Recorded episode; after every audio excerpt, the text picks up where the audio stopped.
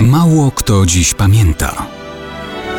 Datownik historyczny prezentuje Maciej Korkuć.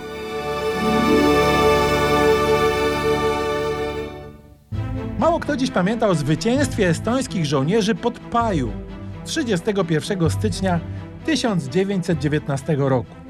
To część historii naszego regionu w Europie, a prawie nic o niej nie wiemy.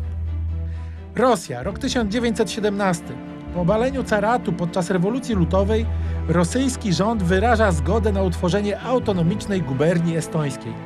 Tak jak w całej Rosji, sytuacja polityczna tam podminowana jest narastającymi konfliktami.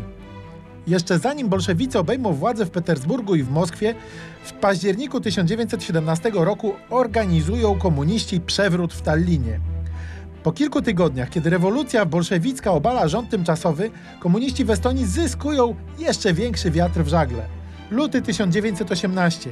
Armia niemiecka uderza na tychże bolszewików zarządzających Estonią. Ich ucieczkę wykorzystują sami Estończycy, powołują rząd i ogłaszają niepodległość w Tallinie. Wkroczenie Niemców jednak kładzie kres niepodległościowym nadziejom. Mijają miesiące. Na zachodzie Niemcy przegrywają wojnę. Listopad 1918 roku pieczętuje ich klęskę. Estończycy korzystają z tego. Ponownie tworzą rząd niepodległej republiki. Bolszewicy nie chcą na to pozwolić. Jeszcze w listopadzie uderzają na budzące się do życia państwo, ogłaszając budowę estońskiej komuny robotniczej.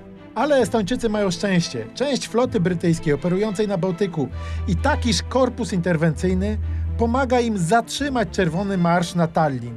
Niepodległość jest uratowana.